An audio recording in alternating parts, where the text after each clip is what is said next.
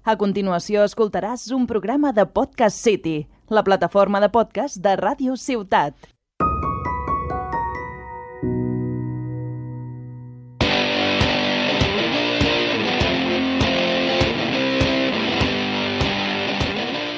Benvinguts i benvingudes un cop més al podcast Oficinista Busca Ofici. Com ja sabeu, si heu escoltat el nostre últim episodi sobre l'escriptor Blue Jeans, la Neus i jo hem estat molt ocupades acabant el nostre treball de fi de grau. Però ara sí, ja poden dir que hem acabat el curs, hem entregat el TFG i aquí estem vives. I efectivament, ara que ja estem lliures, hem pogut preparar un nou episodi.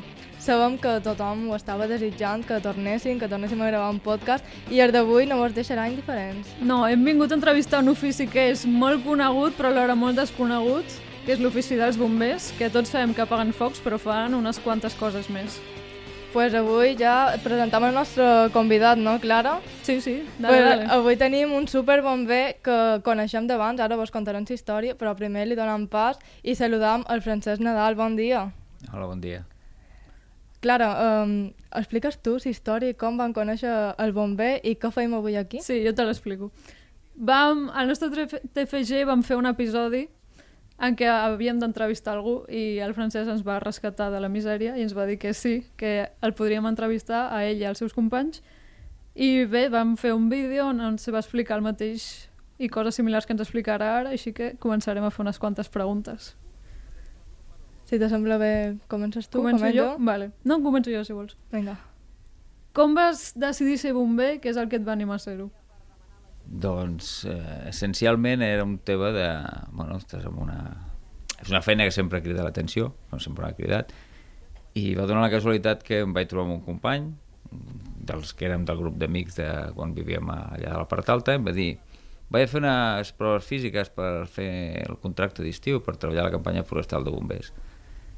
I bueno, li vaig dir això com ho he de fer, i bueno, total, que el vaig acompanyar i així vaig començar fent les campanyes forestals d'estiu. És a dir, que vares començar així com a d'improvist, perquè el teu amic te va estirar a anar-hi, a presentar-te. Bueno, més que estirar, el que va fer ell, comentar-m'ho. Dic, ah, doncs som-hi. Tampoc no tenies feina, amb 18 anys, sense feina, tens el carnet de conduir, estàs estudiant. Dius, bueno, doncs, has de treballar alguna cosa? Vaig dir, bueno, provem-ho. Però tu tenies un altre pla de vida, una idea del que volies ser? Jo fins llavors havia eh, estat fent el BUP i el COU i passava després a... Bueno, no vaig poder voler fer carrera, vaig passar a fer la formació professional antiga. I vaig fer el que és el tema d'electrònica industrial, que actualment aquí a Tarragona és instrumentació i control.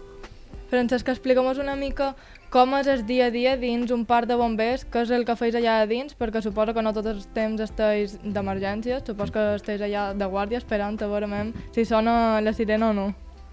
A veure, el dia a dia amb un parc de bombers eh, essencialment comença al matí on se fan les tasques més... El que seria tot el matí es fan les tasques més rutinàries de, del dia i la posada per part dels comandaments de totes les novetats que pugui haver de la Guàrdia anterior o les previsions que hagin a nivell o, o, o, o ABS, que és la zona bàsica de, de bombers, o bé de regió o bé a nivell Catalunya, bé sigui pla alfa, que tot això normalment no activa protecció civil, i això et posen, doncs, avui tenim risc de pluges, o avui tenim risc d'incendi forestal, o de nevades. En funció dels riscos també s'activen més o menys personal. Aquí al Parc de Tarragona som 9 persones, de mínim, que és el que estem normalment, i en cas d'alguna activació, que aquest, en el cas són M1, M2, ME o, o, emergència, eh, de, decideixen com a previsió millor ampliar la plantilla aquell dia doncs, a 11 o a 13 Clar, en parcs més petits és menys número de gent però es fa un tipus de previsió. Això és essencialment el de matí i després fas una revisió del que són tot el material que tens a parc si tens algun vehicle de baixa, alguna eina o tens que repostar els vehicles o, o les eines o fer algun tipus de pràctica. Tot això sobretot es des desenvolupa pel matí. I les tasques que diríem de les més personals. Tu al parc has de dinar tu al parc has de sopar, tu al parc has d'esmorzar eh? tens el teu espai per descansar aquí tens un espai per anar a fer una mica d'esport i llavors, clar, tu has d'anar a comprar el tema del menjar, organitzar tot el... qui farà el menjar, qui després recollirà, qui anirà a comprar... i a banda totes les emergències que puguin sortir. Del teu torn, qui és el que acostuma a fer el menjar i el fa bo? Home, normalment als parcs de bombers hi ha gent que li agrada i fa bon menjar. Però aneu canviant el torn o sempre teniu el mateix cuiner? No, normalment amb el torn procures tindre dos o tres que siguin més manetes. I quan no, ja els que no ens agrada tant cuinar, doncs el dia que no, doncs ja alguna cosa fem. I, I com- gana no en passem. Comentaves que, bueno, dinau allà, sopau allà. De quantes hores són els torns, normalment? Els torns, eh, majoritàriament els parcs de bombers són de 24 hores. Uau. Llavors tu fas 24 hores seguides, en aquest cas aquí a Catalunya és de 7 a 7, excepte a Barcelona, que em sembla que encara són les 8 del matí, de 8 a 8, i després fas 3 dies de descans. Anys enrere era 24 per 48, o sigui, dos dies de descans, i altres llocs fan 24 per 96. Amb una... I entremig, tant el nostre, el de 24 per 72 com el de 24 per 96, hi ha algunes cadències perquè alguns no arribes al mínim d'hores i altres t'hi passes.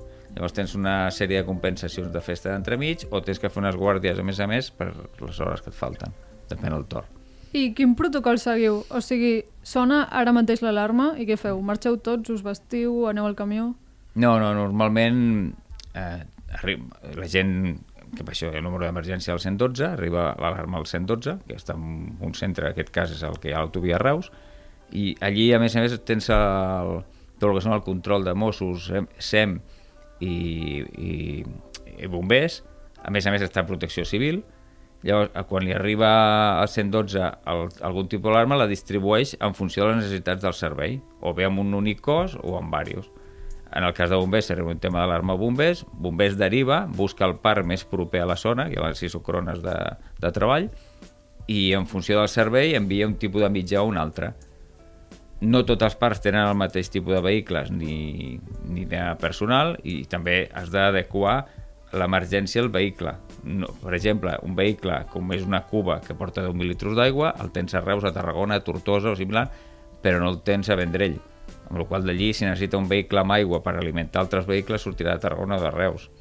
Llavors, una vegada arriba al parc, el parc decideix el personal que hi ha, normalment és una tablilla, que tens la gent més o menys col·locada per saber en quin ordre han d'anar sortint.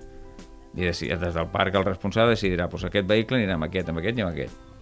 I què passa, per exemple, si us surt una emergència, heu d'anar al Vendrell i després, quan vosaltres sou allà, hi ha una emergència a Tarragona. Com se gestiona Doncs això? um, el sistema que funciona a la Generalitat, que és el sistema de xarxa, doncs te vindria del parc més proper que no fos Tarragona. Si Tarragona, per exemple, surt tothom perquè té d'anar a gestionar l'emergència a Vendrell i el parc de Tarragona ha quedat tancat, doncs possiblement te vindran de Valls, de, de Reus, de Cambrils. O si necessitessis més mitjans, de, de més a lluny. O sigui, no ho teniu assignat, no treballeu només al Camp de Tarragona, sinó que al lloc més proper on us necessitin, vosaltres aneu. Sí, el tema de forestals eh, pots perfectament anar a la Seu d'Urgell o, o a la Junquera o on faci falta. Quin és el lloc més lluny que recordis que t'hagi tocat anar? Més lluny? Que diguis, buah, m'he menjat unes quantes hores a la carretera Home, jo me sembla, que, si no recordo malament, anar a Oliana i no amb els camions d'ara, ni les carreteres d'ara. O sigui, anàvem amb un camió que era un Pegaso, que es deia Comet, que tenia 135 cavalls i allò era més antic que la Picó, però és el que havia. I anar a la zona de Girona, a la part de dalt de Girona també. i ha hagut retallada, o sigui, en molts sectors ha hagut retallada de personal. En el cas dels bombers això ha passat? Sí, en el cas de bombers hem estat des del 2011 fins a les últimes convocatòries pràcticament 10 anys amb, amb una carència de places. Amb un excés d'hores extres i quan la gent ja va dir, home, que això no s'aguanta l'empresa va fer un decret i si no les vols fer les faràs per nassos. Te les col·loco en horari, te les obligo a fer i Vamos, que us les heu menjat i no... amb patata, sí, he menjat amb patata. Quines... Um, allò, o sigui, quan tu comentes algú que coneguis recent, que acabis de conèixer, et presentes, et pregunten a què et dediques uh, i dius, soc bomber, um, què és lo típic que te solen dir? Ah, jo també vull ser-ho. I acte seguit, per treballar poc i cobrar molt. I tindre molts dies de festa. I això és Ah, això veritat? és lo típic. I jo li dic, bueno, doncs prova-hi. I si es posa més pesat, li dic, els meus amics estaven a la platja, i jo mentre estudiava feia les oposicions, metia el carnet de camió i feia una sèrie de coses. Bueno, nosaltres podem explicar que vam provar-nos el, el traje de bomber i com va ser Sobretot l'experiència? tu. Va ser horrible, pesava com... Quan era? 6, 8 quilos, allò? No me'n recordo. Amb les ampolles de l'ERA i les tot. ampolles, allò de la Ara cara, mateix potser, el martell... no sé, 15, 15? 15, entre 15 i 18 quilos, perquè les ampolles han rebaixat pes i el material, però antigament pesaven més, que eren de ferro. Per això em queia jo enrere. Vale, vale. Perquè parlant una mica dels uniformes, eh, quants diferents trajes teniu? O sigui, depèn de l'emergència per a una cosa o una altra. Tens un tratge mm, que diríem que és el principal del treball de bomber, que et serveix tant per accidents com per incendis urbans, com assistències tècniques, com no sé, indústries... O sigui, el, el tratge de bomber típic que et surt sempre és el tratge de, de dues peces, amb el pantaló amb els tirants, cas, butxí, botes... Aquest és el principal que el fas, pots fer servir per qualsevol cosa.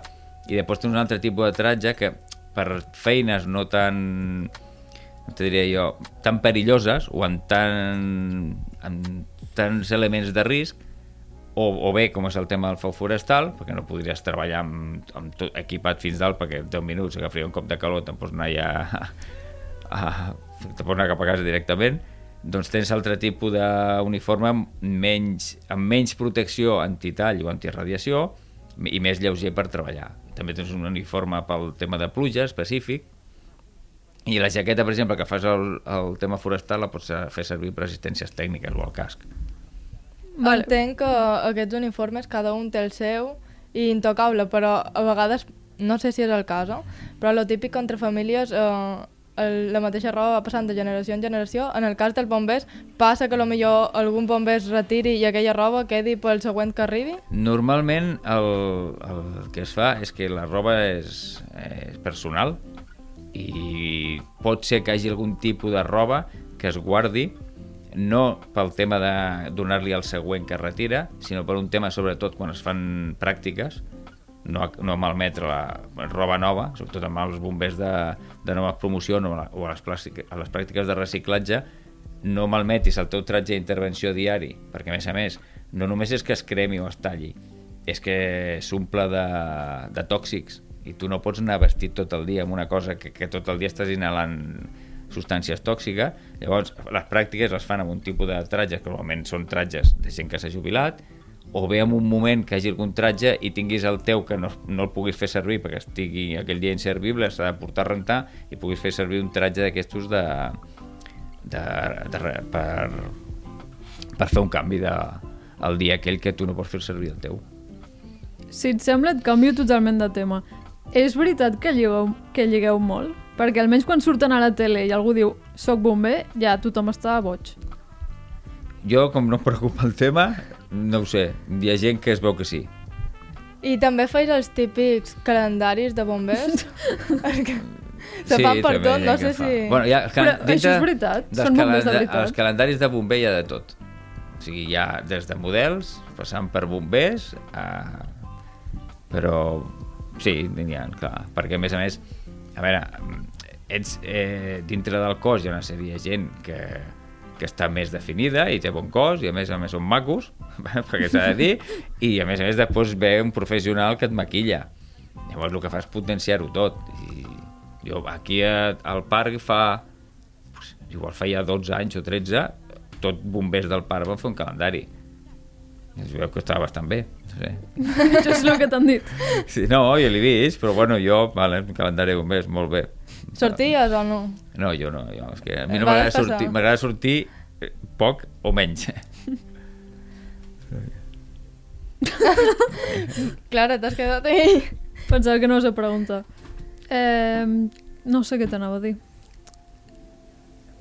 Bueno, segueix jo. Sí. Uh, alguna anècdota així que, que recordis, uh, a lo millor dels teus inicis, alguna cosa que t'impactés, no sé, una sortida, una emergència que diguessis, uah, va ser la primera que i me va tocar forta o me va tocar fluixa. Bueno, pues a la fenya és, dir, més que impactar-te i tal, vas trobant coses que dius, "Hosti, ni m'esperava jo trobar-me això aquí, no?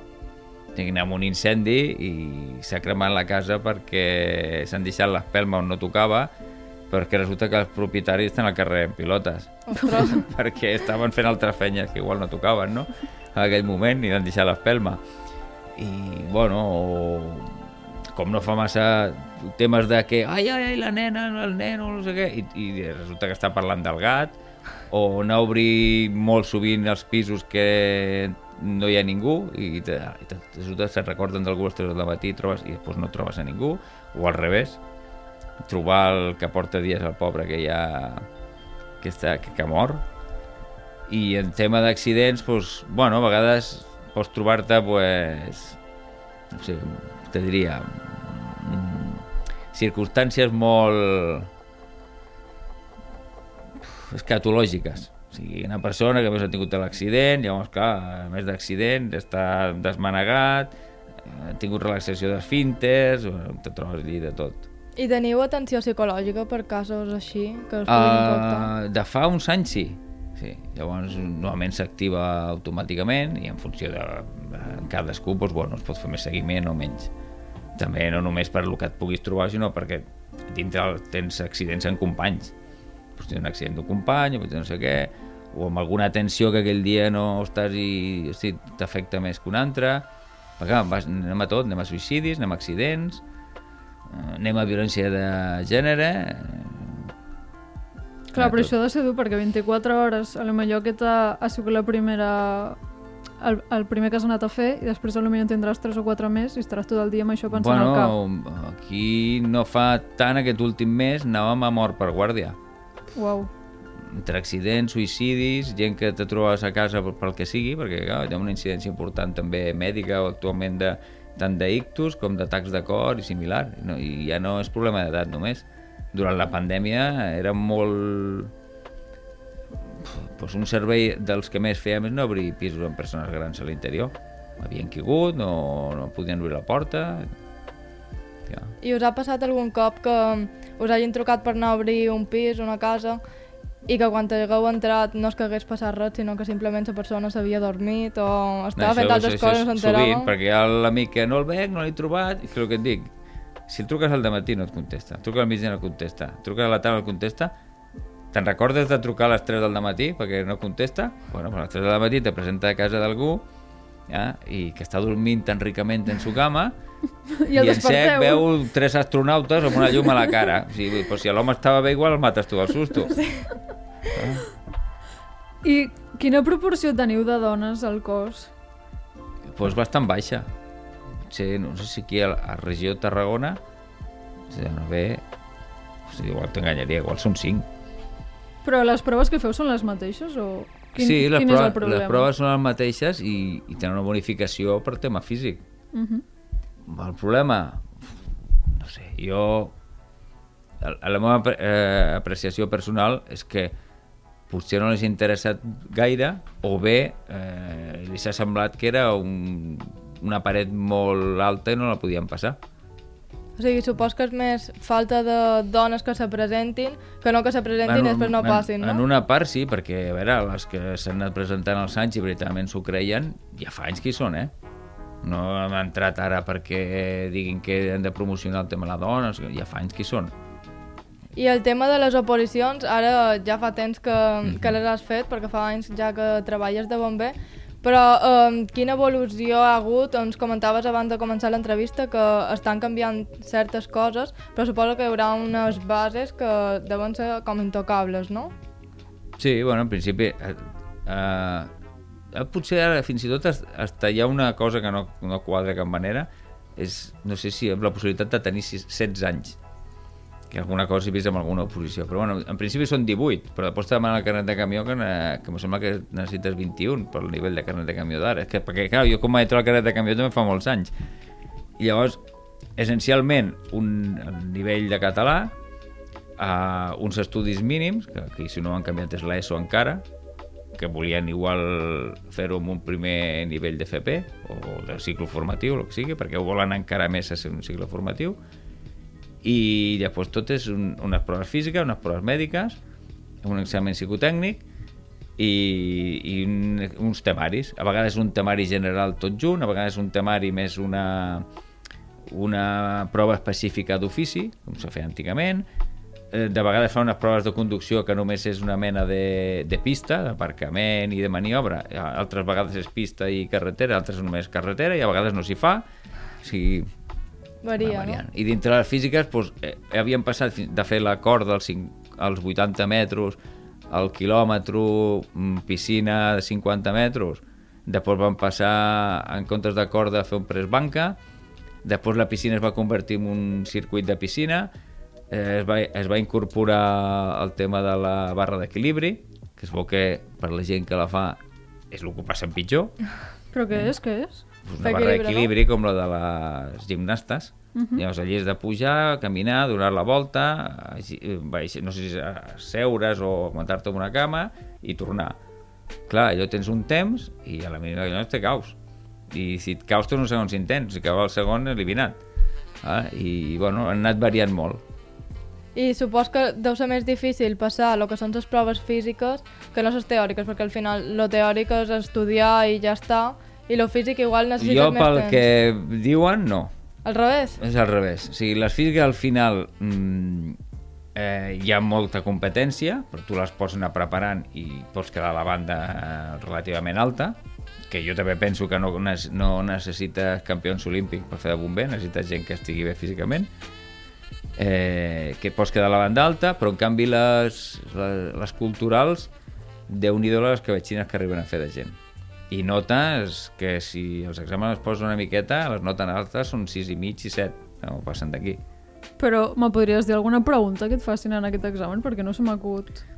És que Si te, pot, cap, te eh? poden fer pel- preguntes d'hidràulica, de física, eh, de mecànica, d'electricitat, és, és de tot. Calcular l'amperatge, lo millor d'un transformador que està en un carrer amb una alçada tal i si és d'una línia de 25.000 o, o, entra, o entra menys potència. Eh, la columna d'aigua eh, de, de la bomba del BRP de no sé què, si pot aixecar una columna d'aigua, un desè pis, a fer... O sigui, unes preguntes que te poden Que complicar el que vulgui. enginyers, quasi. Clar, és que últimament estan entrant molts enginyers. Però és que, o sigui, això, per exemple, aquestes preguntes teòriques tan específiques ho poseu en pràctica en, en el dia a dia, diguéssim, quan vas a cobrir emergències? Jo personalment, per la pràctica, eh, serveix la, una base teòrica, però una base teòrica molt exagerada no és real.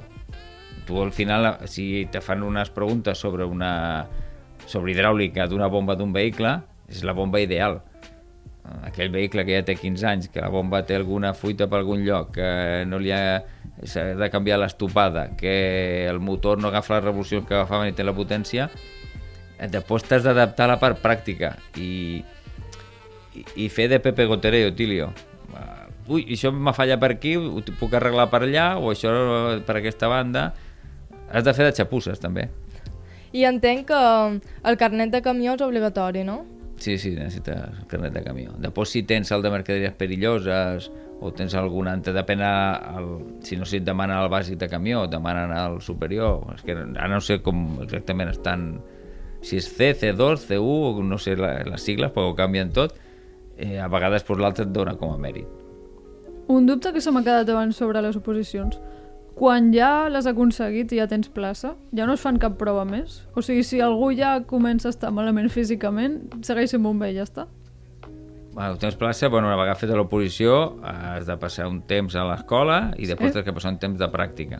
Normalment, a l'escola últimament cada vegada estan posant més durs, hi ha gent que, que l'han aviat, i després el de pràctica, una vegada al parc, i te fan el nomenament de funcionari i agafes lloc. Eh, això és qüestió de gent. No, un seguiment no n'hi ha perquè, claro, eh, si, si l'empresa obliga, s'obliguen dues parts. Si, si m'obligues a mi, tu tens una responsabilitat envers a mi. O sigui, m'has de donar unes hores per jo preparar-me físicament o donar-me mitjans perquè em prepari físicament a banda. Hi ha cossos que, eh, per, pel fet de ser del cos, tot el tema bé sigui per associacions pròpies o bé pel mateix servei i tenen en la quota del gimnàs pagada, tenen tot el tema de si fan competició de futbol, si fan ral·lis, no sé què, tot això està pagat pel cos. Aquí a bombers te paguen el sou i, i, el, I dinar, i el eh? dinar de la guàrdia te'l pagues tu. I generalment, um, quan t'han d'escollir quin parc volen anar, més o menys, uh, pots elegir o al final t'acaben dient... No, en funció de l'oposició, per exemple, els últims de l'oposició, i els que ja estan dintre, que entren dintre del concurs de trasllat, doncs en funció també de, dels punts que puguis... Fa anys enrere era en funció de l'antigüetat, després van afegir a l'antigüetat el tema de cursos, i actualment, no sé quin... han afegit un nivell de català i resulta que és més important quasi tenir el nivell superior de català que portar 15 anys de servei. És, és, és tot canviant. Ara, per exemple, per fer una mica de contrast, el parc eh, que estàs aquí a Tarragona, um, quina diferència d'anys hi ha des de l'última persona que ha entrat al parc i la que porta més anys allà? Quina diferència d'anys? Fes càlculs. Més o menys, eh? no, no cal que sigui exacte. Home, jo crec que el que hi ha més gran a, a Tarragona treballant deu tindre 62, perquè es poden jubilar als 59, però hi ha gent que decideix que bueno, es troba bé i segueix i tal, i el més jove fins tindrà 23. Però així, la, la persona més major, eh, més o menys, eh, ha estat sempre a Tarragona? O sigui, en aquest parc em refereixo. El que hi ha ara més gran, no. Ell estava en Savalls i uns anys... En... Bueno, va, va estar a Tarragona també, que va començar fa molts anys en campanya forestal, després va estar un temps quan estaven de contracte, després va estar a Valls i ara està aquí a Tarragona. I tu has estat sempre aquí a Tarragona? Jo sí he estat aquí a Tarragona. Vale, o sigui, t'ho preguntava més que res perquè lo millor hi ha diferència i bueno, el teu company, no sé si se nota diferència està a un parc, està a un altre, al final ve ser lo Bueno, mateix. a veure, hi ha parts que el número de serveis és més important que altres i tots els parcs que estan a la zona de costa normalment tenen bastant més serveis que estan a la zona interior. I després hi ha el concepte de cadascú i les ganes que tingui. Pots estar en un parc amb, com a Tarragona en nou i passar mitja vida per allí i hem de passar el paja. És, com- és com totes les feines. Hi ha gent amb més ganes i gent amb menys. Bueno, ara si us sembla i si el tècnic està aquí, que no ho sé. Sí. Està, eh, no passa- sé si està viu. Sí, ens ha posat la música d'ascensor i ha marxat. Passarem una pregunta d'àudio, si pots, del nostre fan fan fan, que ens ha enviat una pregunta que sempre ho fa. Buenas, soy Aarón, soy fan, fan, fan, fan incondicional del podcast. No me pierdo un episodio, los veo todos. Sí, sí, lo- los veo. Me pongo con el móvil, los auriculares y veo la barra de audio, cómo va subiendo, subiendo, subiendo, cómo se va moviendo hacia la derecha, hacia la derecha, hacia la derecha, hasta que llega al final. A veces se me olvida contar los auriculares y todo, son geniales. En fin, me han dicho que estamos en un episodio de celebración. Hay gente que celebra el episodio 10.000, el 5.000, el 50, los 10 años, pero es un episodio especial y de celebración porque la entrevista es a una profesión maravillosa, los bomberos. Ya hay una de las dos presentadoras que tiene un afán muy especial por los bomberos. No diré quién es, porque me parecería feo, pero diré que no es la Neus, ya que me parecería feo dejarla también en este entuerto. Bueno, como es una celebración, voy a hacer dos preguntas en vez de una. La primera es, ¿ha habido alguna vez un cliente que haya tenido un sentido del humor exagerado cuando haya ido a atender la emergencia?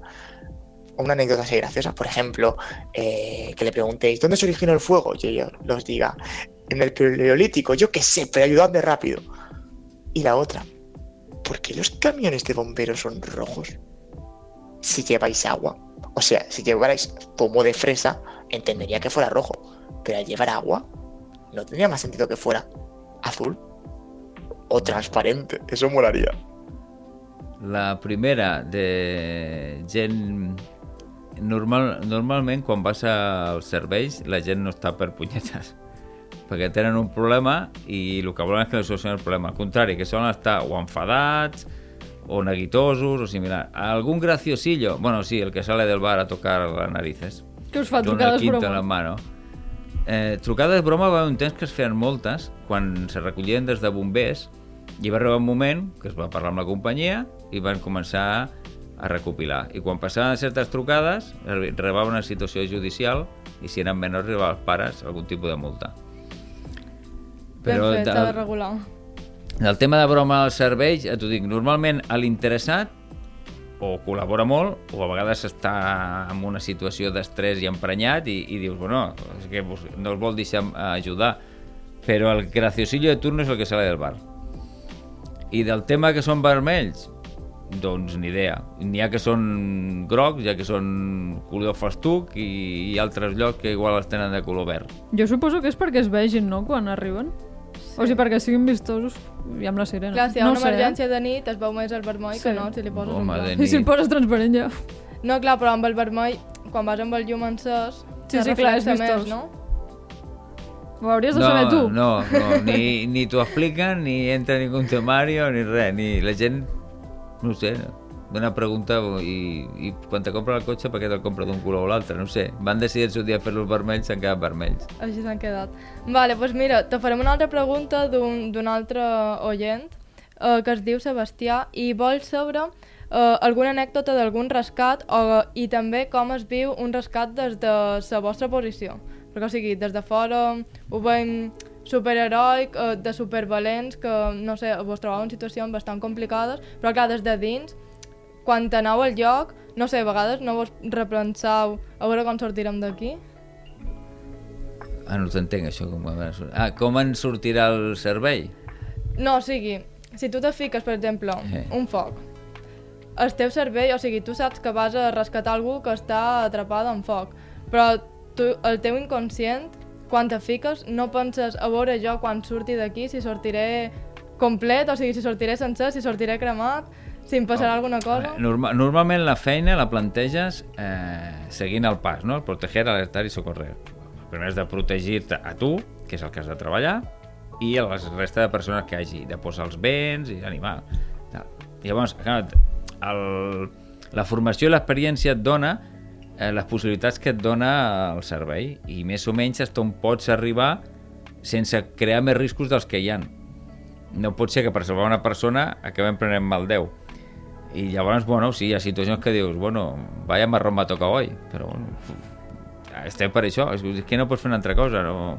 Què te queda al parque o no vengo más? No, no, el tema no va així. Hi ha un senyor que està a l'obra a 15 metres cada dia treballant en una façana i no es planteja tampoc que ha de caure aquell dia, i podria caure. I, i veritablement hi ha més accidents a, a nivell eh, construcció o similar que no pas a, a bombers o a un cossos de- d'emergència normalment. Però llavors també entenc que a lo millor tu estudies per ser bomber i estàs catxes i el que vulguis, però quan es, arribes allà a un foc t'adones que el teu instint et fa marxar i no anar a ajudar la I, gent. I, i, bueno, hi ha gent que ha plegat, ho he deixat estar, que no... Fins i tot fent campanyes forestals. Fer campanyes forestals, ha anat quatre focs de matoll, i el dia que ha enganxat un foc important ha dit, això no me voy per casa. Ja per acabar, um, te volia fer una altra pregunta um, en relació a que um, del servei d'emergències quan us arriben um, bueno, les emergències bàsicament uh, això com ho gestioneu? Després els hi torneu, o sigui, quan ja heu cobert l'emergència diguéssim, els hi torneu com un feedback en plan, ha anat bé, no ho hem pogut solucionar? Naltros? Sí. Sí, normalment eh, fan aquestes famoses paraules de briefing, abans eren reunions, ara són briefings, moltes vegades les fas fins i tot in situ, perquè clar, si agafes un servei important, vas a un foc d'habitatge a Reus, que té certa importància, i està actuant en Reus en dos o tres vehicles, Cambrils, Tarragona i Valls, eh, és molt més fàcil fer-ho in situ, encara que siguin les 5 del matí. I, I la gent deu dir, que tu es posen a fer? Les reunions a les 5 del matí al carrer? Doncs pues, clar, fas una posada de- en escena, per dir una manera, de tota l'actuació, com s'ha fet, les decisions que s'han pres, el que t'has anat trobant i com has anat evolucionant els serveis fins que s'ha acabat. I, I també donar, perquè quan el servei és molt ampli, eh, treballes per grups, i no és el mateix els que fan la recerca amb una escala que els que estan apagant l'incendi dintre de, de la vivenda, que els que estan gestionant el tema de l'aigua, de la llum, el gas i, i tots els subministraments, i no és el mateix si estàs fent una recerca en un pàrquing, o estàs evacuant a gent, o estàs fent assistència sanitària. Llavors, clar, cada un té una feina al final el que es fa una miqueta de... Se parla també del que no s'ha fet eh, del tot bé i es parla del que s'ha fet bé per veure, de- intentar de, copiar-ho d'aquella manera. Clar, com tots els serveis són canviants, per molt que tinguis una norma, després allò pot canviar cap a qualsevol situació. Clar, no sé si vols fer-li alguna altra pregunta abans d'acabar amb aquest episodi. No, jo t'anava a dir que no sé com ho has vist tu, però jo el que tinc clar és que bomberes no serem. Jo crec que no, crec que se mos dona millor estar dins un estudi Totalment, i no fer res. i quedar-nos aquí i entrevistar que mos expliquin el que fan els altres, però nosaltres des d'aquí, des de, des de l'estudi sabeu molt bé. O sigui, nosaltres vos animam a que continueu, que seguigueu mm, salvant vides, ajudant a tothom, però nosaltres ho mirem des d'aquí, no, no I que si algun cop tenim alguna cosa, tranquils, que us trucarem. Sí. Ja hi comptem.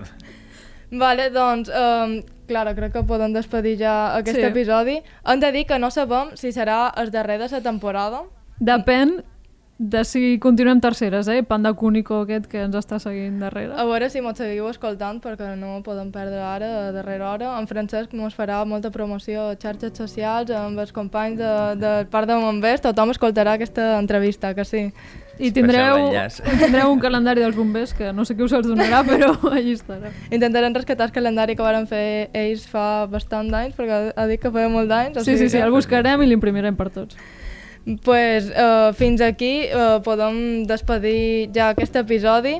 I, i res, donar-vos les gràcies a tots els oients, uh, també al Francesc per haver vengut avui aquí a explicar-nos uh, l'ofici del bomber. I, i res, uh, recordeu que podeu escoltar tant aquesta entrevista com la resta d'entrevistes estan a la pàgina web de Radio Ciutat de Tarragona, també a iVox i a Spotify, o sigui que vos animam a que continueu escoltant, que mos eh, continueu escrivint també a xarxes socials i inclús si voleu el nostre correu electrònic oficinista busca ofici. I ara sí, eh, vigileu de no cremar la casa i mentrestant deixeu-vos, guieu-vos i escolteu-nos, que nosaltres vos fem la feina des d'aquí, des dels estudis.